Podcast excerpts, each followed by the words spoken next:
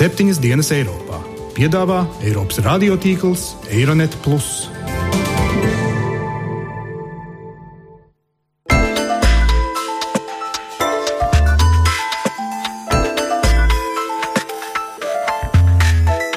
Šonadēļ septiņas dienas Eiropā dzirdēsim.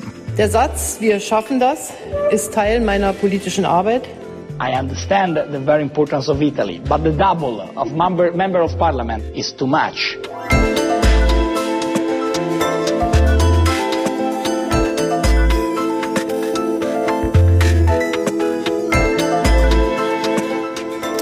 Labdien, godējumie klausītāji! Latvijas radio studijā Kārlis Streips kārtīgi reiz sveicu jūs jaunākajās septiņas dienas Eiropā. Īsi pēc virknes sliktu vēlēšanu rezultātu savās mājās, pamatā dēļ bēgļu politikas, Vācijas kanclere Angela Merkele sestdien ieradās Vīnē tikties ar Balkānu migrantu maršrutā valstu vadītājiem uz tā saukto bēgļu samitu. Klāt bija arī Ungārijas premjers Orbāns, kas atklāti ķengājies par Merkeles atvērto durvju politiku, Grieķijas Aleksis Ciprs, pie kura šobrīd ilgstoši iesprūduši 60 tūkstoši bēgļu, ko Eiropas Savienība solījusi tālāk izmitināt, un Bulgārijas vadītājs Boiko Borisovs, kas nesen sācis izjust spiedienu, ko izraisīs jauns patvēruma meklētāju vilnis pie viņa valsts robežas. Saruna mērķis bija pātrināt procesus, lai beidzot atrisinātu samilzušo Eiropas migrācijas krīzi ir iecerēts veikt apjomīgus ieguldījumus Eiropas ārējās robežas nostiprināšanā, piestrādāt, lai noturētu bēgļus tajos reģionos, no kurienes tie nākuši, un izstrādātu ilgtermiņa attīstības vai maršala plānu Āfrikai. Visi ir vienas prāts, ka šobrīd pastāv virkne atsevišķu pasākumu, bet nav nekādas kopējas Eiropas politikas vai redzējuma. Tikmēr populistu partijas visā Eiropā, to starp Vācijas vēlēšanu uzlacošā zvaigzne alternatīva Vācijai palielina savu atbalstu, uzkurinot bāžas par migrantu tūkstošiem, kas veļas pāri robežām, lai it kā iedzīvotos bagātajās ziemeļvalstīs un tur nonākuši iznīcinātu sabiedrības pamatus. Un tāpat Merkelē nācās pagājušajā nedēļā publiski atzīties, ka būtu varējuši prasmīgāk tikt galā ar šo it kā negaidīto milzīgo bēgļu pieplūdumu. Tālāk šonedēļ raidījumā par Vāciju un Itāliju, par Merkeles straujo popularitātes kritumu un ko tas varētu nozīmēt Eiropas nākotnē, kā arī par to, kā Itālijas premjeras Renci savu politisko nākotni liek uz vienas referenduma kārts. Bet vispirms miera sarunas Sīrijā atkal izgāzušās. Amerikas Savienoto Valstu vēstniece ANO Samanta Powera apsūdzējusi Krieviju nodevībā, sakot, citēju, tās, ar ko Krievija nodarbojās, nav pretterorisms, tas ir barbarisms. Tā vietā, lai tiektos pēc miera, Krievija un Asāds Alepo taisa karu. Pēdējās nedēļas notikumi Sīrijā liek piemirst, ka vēl pavisam nesen Krievija un ASV runāja par kārtējo pamieru. Uzbrukums humanās palīdzības konvojam, par kuru, protams, neviens nevēlas uzņemties atbildību, Alepo pilsētā divi miljoni tās iedzīvotāji ir palikuši bez ūdens pēc kārtējiem Asada režīmu uzlidojumiem, bet Sīrijas brīvās armijas vadība paziņojas, ka mieras sarunas, kurās piedalās ASV un Krievija, ir bezjēdzīgas. Vai starptautiskā diplomātija ir kapitulējusi cīņā par mieru? Karu Sīrijā, to vaicājām žurnālistam Andim Sedlaniekam.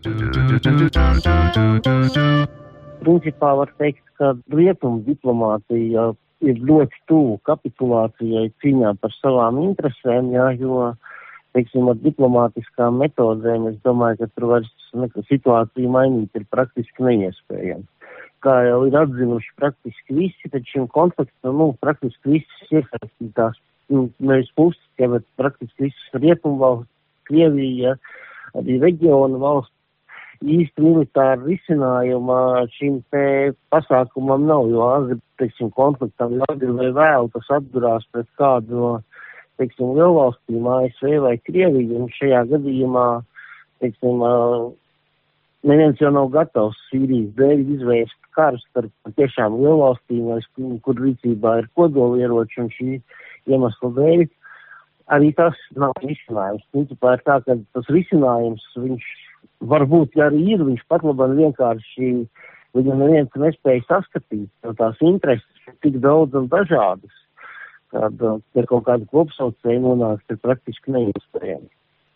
Tajās pašās Amerikas Savienotajās valstīs ir, piemēram, diplomāti vai daudz teiksim, pats uh, valsts sekretārs Džons Kerijs, par kuru nav šaubu, ka viņš patiešām, viņš reāli vēlas panākt kaut kādu mieru tur.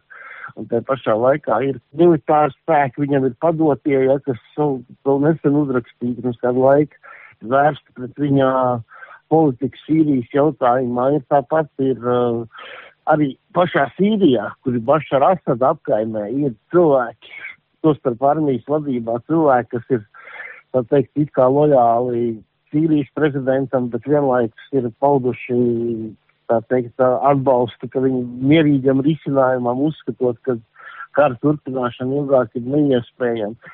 Tas viss ir, nu, teiksim, visur ir kāda daļa, kas, es neteiktu atbalstu, es teiktu, ir ieinteresēta. Un kāda daļa, kas ir noskaņot uh, par mierīgu risinājumu. Un uh, ņemot vērā, cik daudz ir šo iesaistīto pušu, dalībnieku, dažādu grupējumu valstu, es nezinu, vai un cik reāli iespējams tā panākt, lai tādu kopīgu saskaņu, lai patiešām būtu priekšplānā tikt izvirzīti šīs Sīrijas iedzīvotāji, nevis kādas šauras, kādi grupējumi vai kādas citas intereses.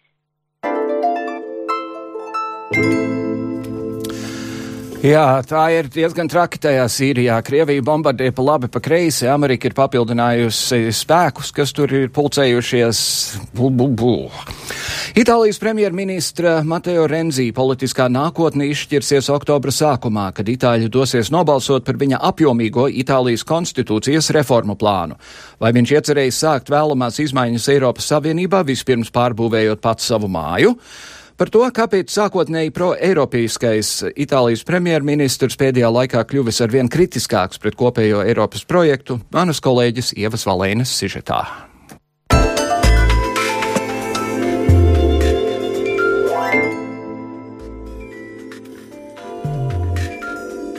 Itālijas premjerministrs Mateo Renci, kurš amatā stājās 2014. gadā, ir jaunākais premjers kopš Itālijas apvienošanas 17. gadsimtā.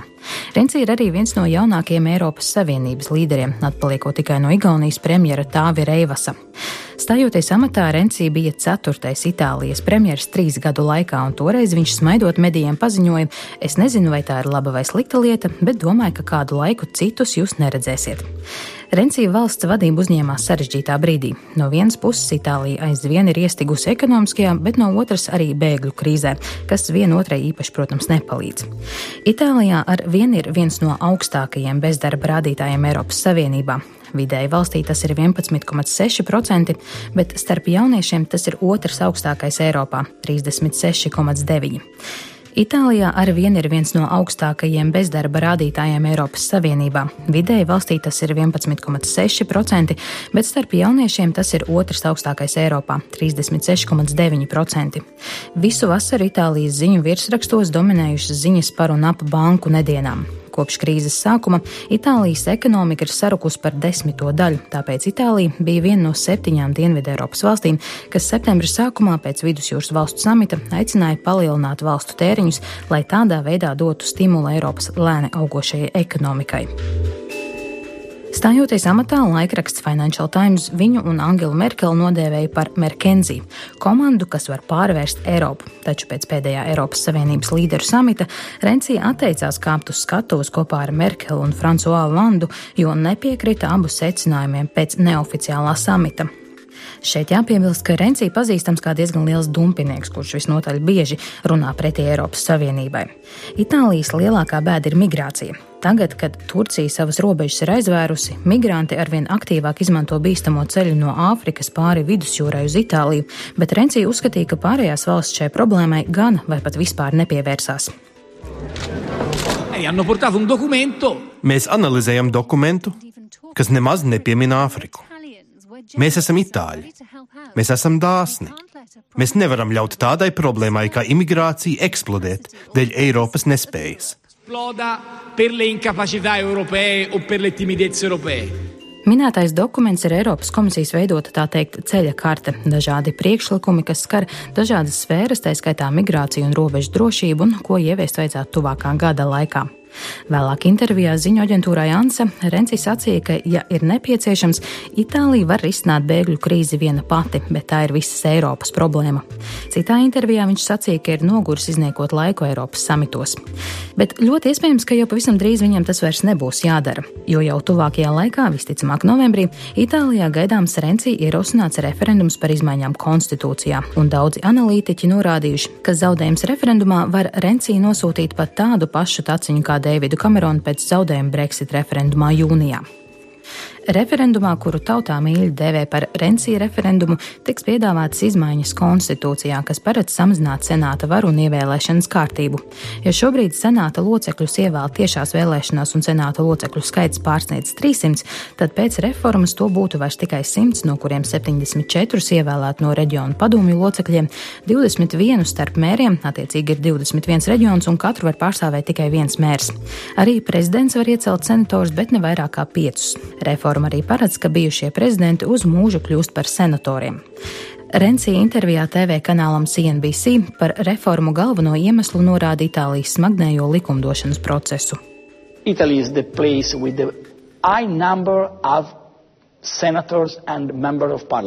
Itālija ir valsts ar augstu senatoru un parlamentu locekļu skaitu. Tie kopā ir 945 locekļi. ASV ir uz pusi mazāk.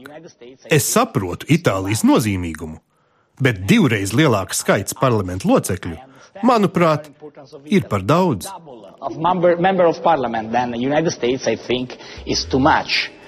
Turklāt, jebkurš likumprojekts ir jāapstiprina gan senātā, gan parlamentā. Renci uzskata, ka tas ir arī iemesls, kāpēc viņa valdība ir jau 63. 70 gadu laikā. Mateo Rencijs skaļi paudis, ka Itālijas likumdošanas kārtība ir izsmieklas un jebkuras pārmaiņas notiek liemeža ātrumā, tāpēc arī nepieciešams reformas. Premjerministrs ir pārliecināts, ka uzvarēs, tomēr viņš ir paudis gatavību atkāpties no amata zaudējuma gadījumā. Tiesa, šobrīd, kad aptaujas nerāda lielu atbalstu ne referendumam, ne pašam Renci, par atkāpšanos viņš runā mazāk. Tomēr, ja līdz tam nonāktu, tas var nozīmēt dažādus ceļus. Var tikt iecelts pagaidu premjerministrs, kuram būtu jāvada valsts līdz nākamajām valdības vēlēšanām 2018. gadā, vai arī prezidents var izsludināt ārkārtas vēlēšanas, kas rada bažas, ka vairākumu varētu nodrošināt populistu un eiroskeptiķu partija piecu zvaigžņu kustība. Bet, kā reiz teica Vinstons Čērčils, cilvēki nebalso par uzdoto jautājumu, bet gan par cilvēkiem, kuri šo jautājumu uzdod. Un, kā jau minēju, šobrīd Renci nav pārāk populārs Itāļu vidū. Cerības, ka Mateo Renci neatkāpsies, ir izteicis bijušais Itālijas premjerministrs Mario Monti.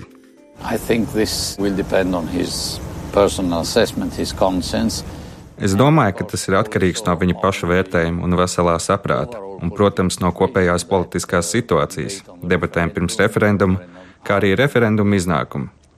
Es personīgi ceru, ka viņš neatkāpsies, pat ja zaudēs referendumā, bet tas nebūtu pasaules gals, ja viņš atkāptos. Mūsdienās būtu pārspīlēti teikt, ka visa Eiropas ekonomika tiktu dēļ tā satricināta.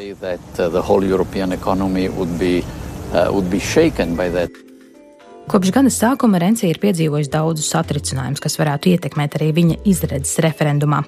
Pirmkārt, mēru vēlēšanās jūnijā Itālijas populistu partija Piecu zvaigžņu kustība uzvarēja simboliski nozīmīgās pilsētās Romā un Turīnā. Otrakārt, Brexit balsojums, kas nebeidz pārsteigt daudzus. Par labu nenāk arī korupcijas skandāls, dēļ kura martā amatu zaudēja ekonomiskās attīstības ministra Federika Guidi.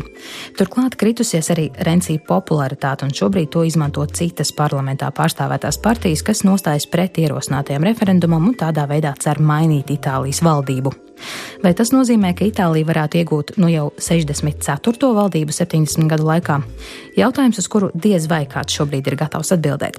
Vienīgā lieta, ko analītiķi ir gatavi apgalvot, Rencija varētu būt pieļāvusi savas politiskās karjeras lielāko kļūdu, referendumā uz spēles liekot visu. thank you Paldies, Ievai, uz to retorisko jautājumu. Protams, ka var atbildēt, jā, varētu tas notikt, varbūt varētu arī tas nenotikt. Angelas Merkeles popularitāte strauji krīt un viņas atbalsts pašas partijas iekšēnē zūd, pat senais cīņas biedrs finanšu ministrs Šoible tikko nostājies CDU Bavārijas māsas partijas CSU pusē iekšējos strīdos. Tomēr tuvojoties nākamā gada Bundestāga vēlēšanām, pārējo partiju kancleru kandidāti šķiet viens par otru neizteiksmīgāks un visa politiskā elite kopā baidās no alternatīvas Vācijai straujā popularitātes pieauguma trūkuma. Ko tas varētu nozīmēt Eiropas Savienībai, ja nākamgad pēc vēlēšanām Vācija zaudēs ilgstoši stabilu un spēcīgu līderi, savukārt Eiropa zaudēs ietekmīgu vadītāju ar sirdsapziņu un morālo kompasu? Studijā Eiropas kustība Latvijā prezidents Andris Koviņš. Labdien! Un politologs Ojārs Skudra. Labdien! Arī kolēģis žurnālistos Latvijas universitātē. Mēs esam paredzējuši runāt ar Latvijas vēstniecību cik, Vācijā, cik es saprotu, tas telefons zvans vēl nav nodrošināts, tāpēc sāk Ir, ir, ir. Ir, ir, ir. Uz pirmā? Uh, jā. Uh, Tātad uh, Latvijas vēstniecības vadītāja vadītājs vietnieks Jānis Bērziņš. Labdien! Labdien! Es pieļauju, ka diplomāti Jā. nevar īsti komentēt savas mītnes valsts politiskos procesus, bet kas jums būtu sakāms par to, kas pat labi notiek Vācijā? Nu, es domāju, ka svarīgākais ir, ir izstāstīt to, ka Merkels vadītā Kristīgo demokrāta savienība arī šobrīd turpina saglabāt stabilu atbalstu 32% robežās, kas viņas partijai ir arī ļoti tradicionāli pieņemami. Un uh, arī viņas partneri, sociāldemokrāti, ir saņēmuši 23% atbalstu tieši šobrīd, ja mēs skatāmies jaunākās vakardienas aptaujas rezultātus. Un no tā var secināt, ka Merkels vadītā valdība saņem 55% vēlētāju atbalstu, kas nav mēdz. Ja mēs raugamies uz nākamā gada vēlēšanām, kur var potenciāli notikt kaut kādas vadītāja izmaiņas, tad uh, jāatcerās, ka bez Merkeles viņas partijā ir arī citu spēcīgu līderu, no kuriem, piemēram, redzamākais ir finanšu ministrs Šoible, kurš ar savu finanšu stabilitātes un bezdeficīta budžeta politiku ir ielicis pamatus ilgspējīgai valsts attīstībai. Tas savukārt dod, ir devis iespēju šai partijai izstrādāt priekšlikumus, kurus izjutīs vēlētāji jau nākamajā gadā, ir paredzēts uh, sniegt nodokļu atbrīvojumus šiem cilvēkiem. Tādēļ, nu, nu, cik mēs redzam, cik es personīgi redzu, šobrīd nav pamata apšaubīt to, ka tieši Merkels partija kā lielākais spēks saglabāsies arī nākamā gada vēlēšanās. Vai ir iemesls Eiropai un Vācijai tiešām baidīties no šīs alternatīvas Vācijai, jūsuprāt? Ja mēs skatāmies uz alternatīvu Vācijai, tad uh, ir Ir, protams, novērots, ka, ka viņu atbalsts ir pieaudzis. Ja iepriekšējās vēlēšanās viņi neiekļuva parlamentā, knapi, knapi palielinot zem 5%, tad šobrīd atbalsts ir 14% robežās. Bet, kas ir interesanti, jau pirms mēneša Vācijas politikas un vēlētāju pētnieki skaidroja, ka šī 15 līdz 15% robeža ir augšējais robeža, ko varētu sasniegt šis politiskais spēks. Um, un to apliecina arī jaunākie dati, jo mēs redzam, ka pēdējā mēneša laikā partijā, partijai atbalsta pieaugums nav bijis. Um, jā. Jā, un tātad jūs uzskatāt, ka, ka nekāda traģēdija nebūs nākamā gada Bundestāga vēlēšanās. Var, varbūt uh, drusku bīdīsies partiju popularitāte, bet kaut kas tomēr sanāks. Nu, ziniet, šīs, šīs ierobežojums saistīts ar to, ka partija Alfānija Vācijā uzstājas ar nacionālu etnisku piedāvājumu iepazīstina Vācijas tradicionālo partiju sociālo-ekonomiskās politikas piedāvājumiem un tiek uzskatīts, ka arī turpmāk 85% vēlētājiem svarīgāks būs tieši jautājums par to, kādus sociālos un ekonomisko politiku piedāvājumus partijas piedāvās, kur alternatīva Vācijai nav īsti ko dot. Un to mēs redzējām arī pēdējās vēlēšanās, kas notika tieši Berlīnas parlamentā, kur par izšķirošu tematu vēlēšanās bija tieši sociālais taisnīgums, kam sakoja tā temata kā ekonomika nodarbinātība, kā arī skolas un izglītība. Un neskatoties uz to, ka vienai sadaļai vēlētāju bēgļu tēma vispār bija svarīga, alternatīva Vācijai iegūta tikai piekto vietu šajās vēlēšanās. Mm -hmm. Skaidrs. Uh, Jānis Bērziņš, Latvijas vēstniecības Vācijā vadītājs vietnieks. Paldies jums sirsnīgs par sarunu. Paldies.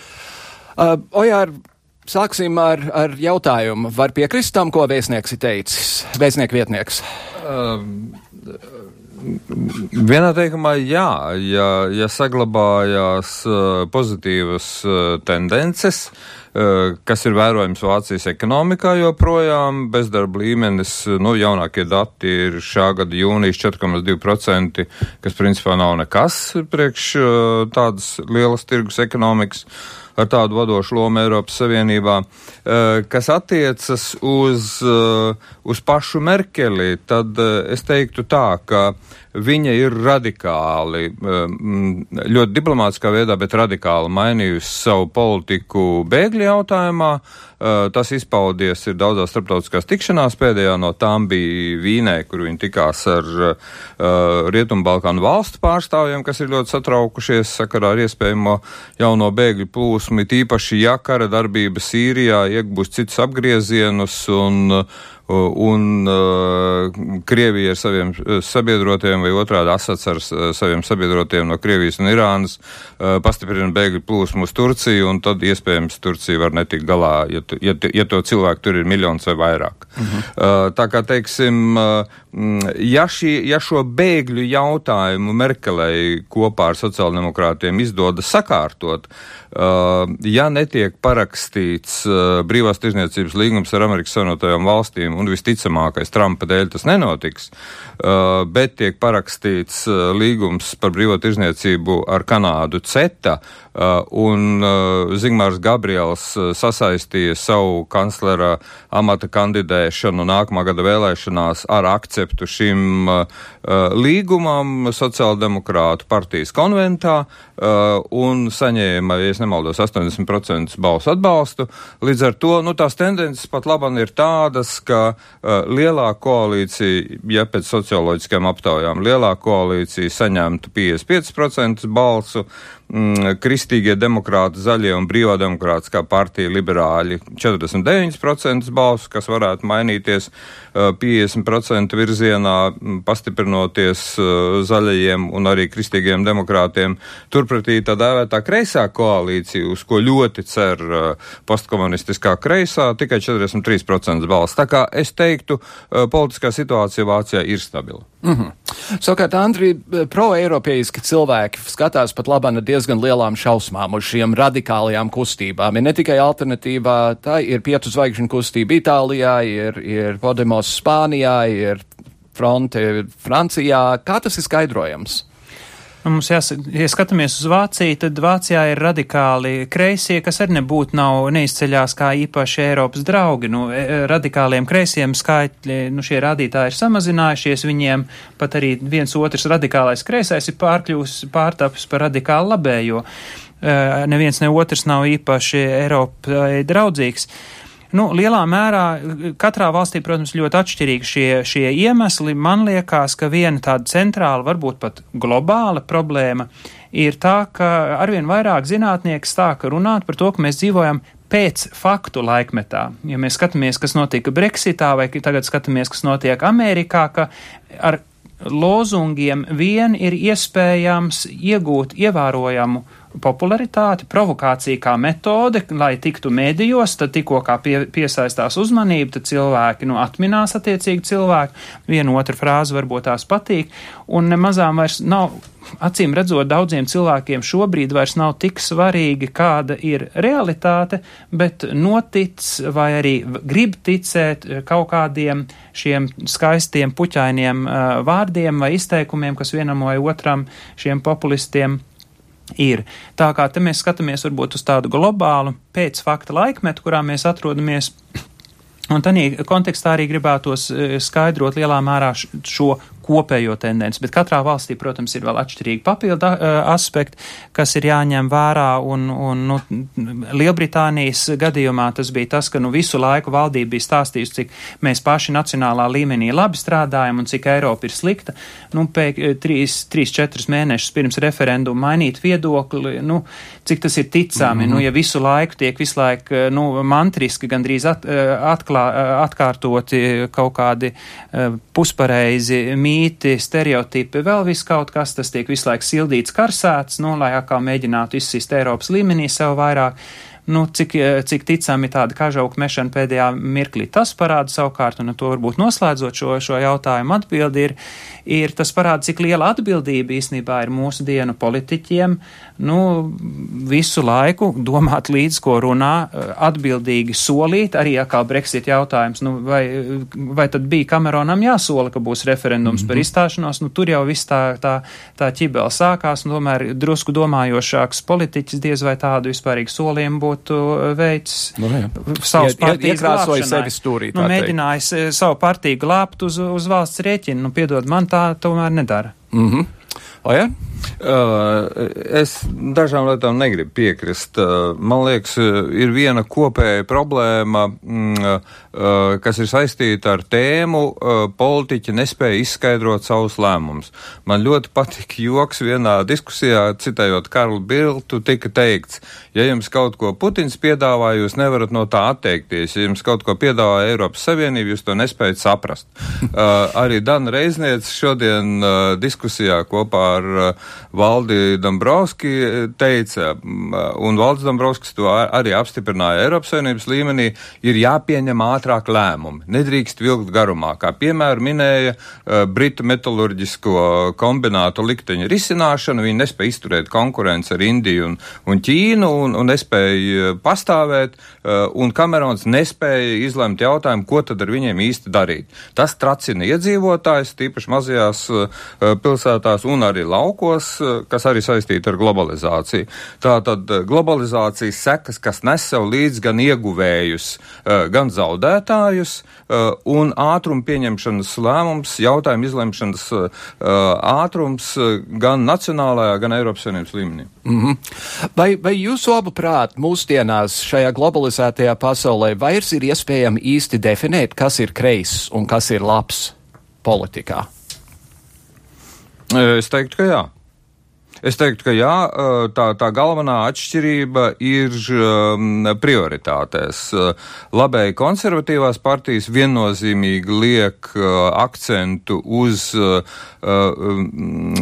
ilglaicīgu, noturīgu, konkurētspējīgu uzņēmēju darbību, vienalga vai nacionālo vai Eiropas Savienības mērogā vai Eirozonas mērogā, neaizmirstot arī sociālo jautājumu risināšanu un reformas, struktūrālās reformas saistībā ar izglītību, veselības aizsardzību un tā tālāk, kamēr kreisās un populistiskās partijas liek akcentu uz neatrisinātajām problēmām, uz trūkumiem uh, un saka, ka uh, šīs problēmas ir risināmas nevis uh, attīstot ražošanu un ekonomiku, bet vienkārši palielinot izdevumus, palielinot budžeta deficītu. -hmm. Vai arī vienam atņemot un otram iedodot. Jā, arī variants, ja to var. Nu, ja, ja, ja tāda kreisas labs. Es teiktu, ka te ir, nu, Rietuma Eiropā, Rietuma pasaulē kopumā tomēr partijām ir vērtību, uh, vērtības pamatā un, un savu skaidru ideoloģiju. Mēs skatāmies uz Austrumu Eiropu, to pašu arī Latviju, nu tad viens sev sauc pa kreiso, otrs sev sauc pa labēju vai centrisku, nu tas ir. Par kreisu, vien... nu gan neviens sevi nesauc Latvijā. Man liekas, ka Ušakos tur sev kaut kādu par, par puslīdz sociāldemokrātisku, cits reiz pat arī socialistisku nosauc. Nu, kas ir socialistisks? Socialistisks būtu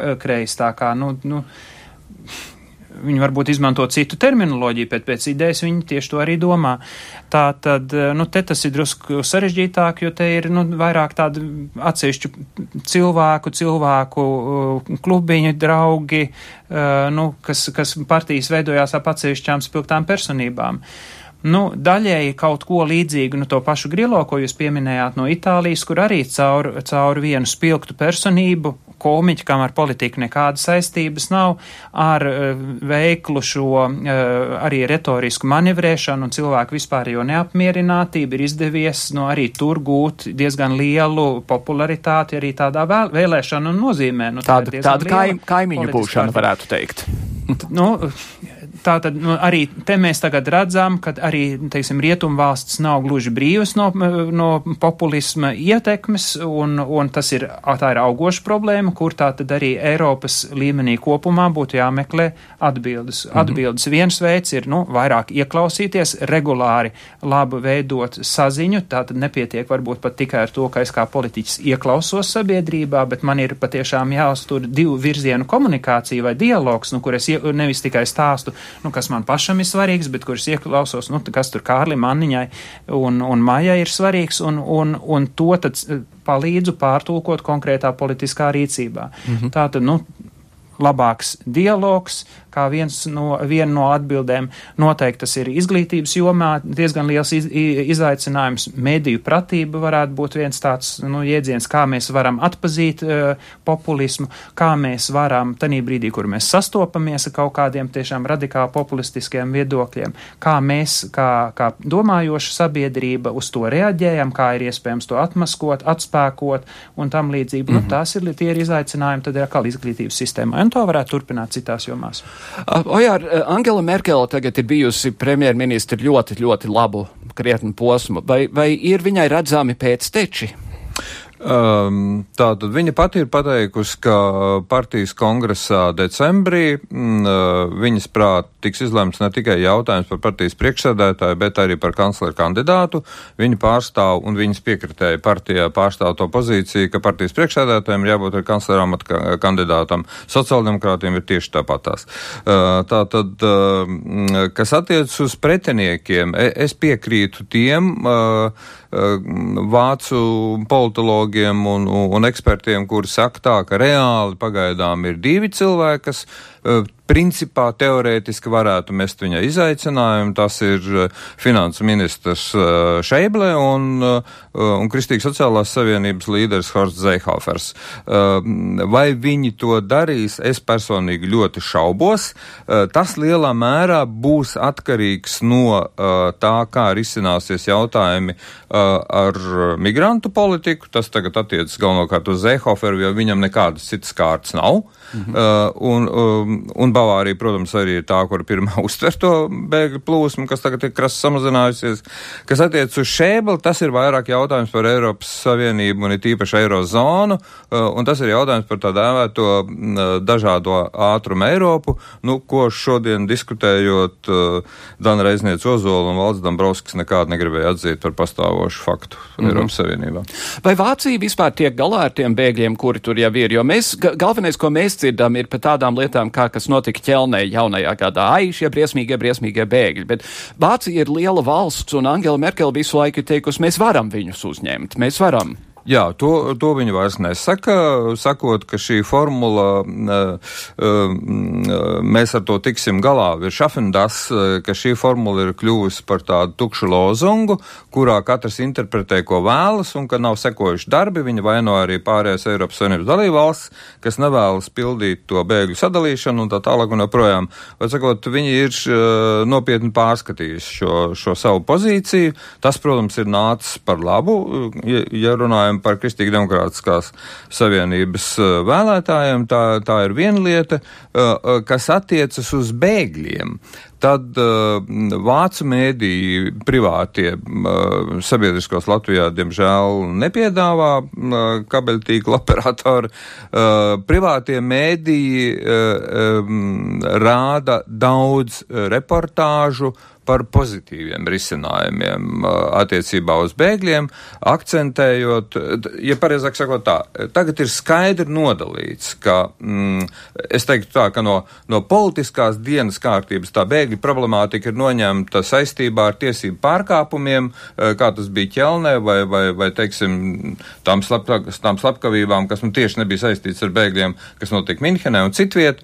Tā tad, un, un, un uh, spēcdienesti un, un policija un, un uh, robeža apsardzība ir pastiprinājusi darbu, uh, ir pastiprinājusies to cilvēku nosūtīšana atpakaļ uz drošajām mītnes zemēm, kuri nesaņem bēgļu mm -hmm. status Vācijā. Vārdu sakot, es teiktu tā, ka e, valdībai kopumā un arī, Men un arī Merkelē ir izdevies parādīt un pierādīt, ka tas, tas reālais draudu potenciāls, kas būtu saistāms ar terorismu, Vācijā ir niecīgs. Protams, ar to slaveno frāzi, ka nekad nebūs simtprocentīgi garantija, bet ka, ka, ka stāvoklis pilnībā tiek kontrolēts. Gan bēgļu mītnes vietās, gan citur ir, ir pilnīgi skaidrs darbs, izglītība un mītnes vieta, kas nav uh, uh, lidmaš, uh, lidostas angārs. Uh, šie trīs punkti ir tie, uh, kas ir sākuši strādāt un, un es teiktu, uh, pamatvilcienos darbojās. Ka, kas, protams, nenozīmē, ka cilvēku neapmierinātība būtu izgaisusi, nu, un, un, un te es vienīgi varu piebilst noslēgumā, tad, ja runājam par Berlīni, 70% no tiem, kas balsoja par alternatīvu Vācijai Berlīnas vēlēšanās, balsoja nevis aiz pārliecības par alternatīvas Vācijai programmu, bet protestējot pret pārējo partiju politiku. Mm -hmm. Domājot, ka viņi tādējādi protestē, jo, Jā. protams, īstenībā viņi paši sev iešauja kājā.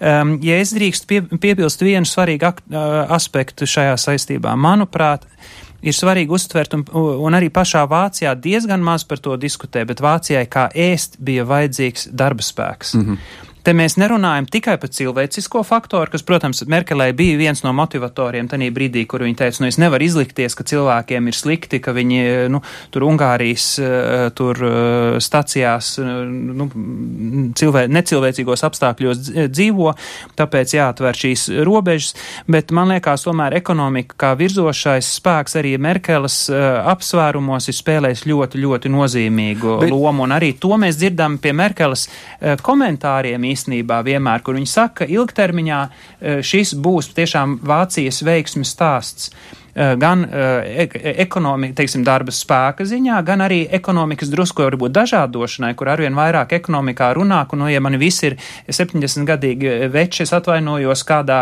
uzņēmuma vadībā, nu, tas uzņēmums nebūs ilgtermiņā veiksmīgs. Mm -hmm. Viņam jāpaņem ir jauna sieviete arī savā uzņēmuma vadībā, eh, iespējams kāds arī ar, ar pilnīgi citu šo kulturālo pieredzi, lai bagātinātu pašu, pašu uzņēmumu. Un kādam tas darbs ir jādara? Mēs to darām. Bet, Krievija, es atvainojos, vēl pēdējais ir.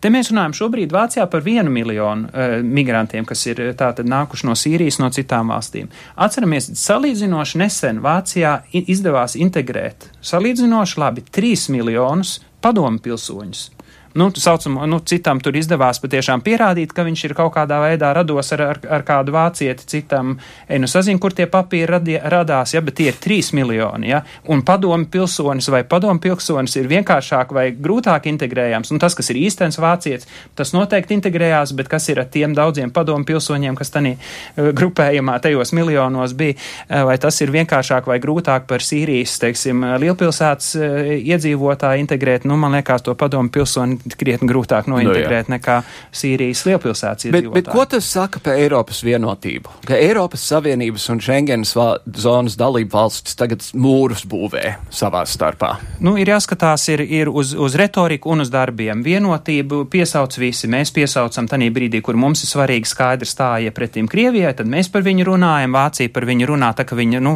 ka nobīstās, nu, ka tomēr drusku pa daudz jau tie, tie, tie bēgļi vai patvērumu meklētāji uz, uz Vāciju valstī dodas. Eh, jāskatās, kas tad ir, kas tad slēpjās, teiksim, aiz šīs retorikas. Um, nu, jautājums par Schengenu reāli, teiksim, vai mums arī nākotnē būs tik iespējams tik eh, ērti un, un brīvi pārvietoties Eiropas Savienībā, es teiktu tomēr jā, jo arī atkal šeit ir ļoti spēcīgas gan ekonomiskās, gan veselās aprāta intereses aiz vis tā um, tendence tomēr šķiet, ka iet uh, tādā virzienā, ko ļoti skaidri um, Višegradas valsts uh, deklarēja, ka ir jāsargā ārējās robežas, ja ne, nemaldos pēdējā samitā, tās bija 11 uh, dalībvalstis, kas ļoti skaidrs to uzstāja. Nu, tas tā būs tomēr tā tendence, jo, nu, pilnīgi skaidrs mēs iekšējās robežas nekontrolējam, tāpēc, ka ārējās ir skaidra, mm -hmm. skaidri noteikumi, skaidri šī kontrola. Nu, ja mēs paši vai, nu, Grieķija nekontrolē savas ārējās robežas, nu, tad attiecīgi mēs redz sastopamies pēc tam ar sakām. Tas nenozīmē, ka, ka, ka, vajag, ka nedrīkst nevienu laist iekšā, nu, ka, ka jābūt būt Eiropas Savienībai nu, kā, kā tādam cietoksnim, kurā nevienu nelaiž, jo arī tai pašai Vācijas ekonomikai ir vajadzīga arī šī, šie darba spēki, šī, šī dažādošana. Tā tad droši vien tur tiks meklēti kaut kādi tādi, nu, starp varianti, kā legālā ceļā, bez šiem uh, mafiāzām struktūrām, kas šobrīd tir, cilvēku tirdzniecības veidā mēģina tos cilvēkus iedabūt uh, Rietumē Eiropā, nu, kā atradīs tādu ceļu, kas ir visiem pieņemams un, un ģimeņu apvienošanas rezultātā ļautu arī nu, tiem vēl patvērumu meklētājiem, kas šobrīd Turcijā gaida, drusītiņu Turciju atslogojot, Jordānu atslogojot, vienu otru no viņiem paņemot. Lai gan atkal es atkārtoju, trīs svarīgas lietas, kas jādara. Viens ir salīdzinoši mazs aspekts, ir tas, cik daudz patiešām Eiropas Savienība šos bēgļus vai patvērumu meklētājus paņemt. Daudz svarīgāks ir koncentrēts Eiropas darbs uz Eh, Sīrijas un citu valstu, kurām tiešām ir vajadzīga palīdzība, šo atbalstu. Tam vajadzētu būt prioritāram un skaidri manāmam viscaur.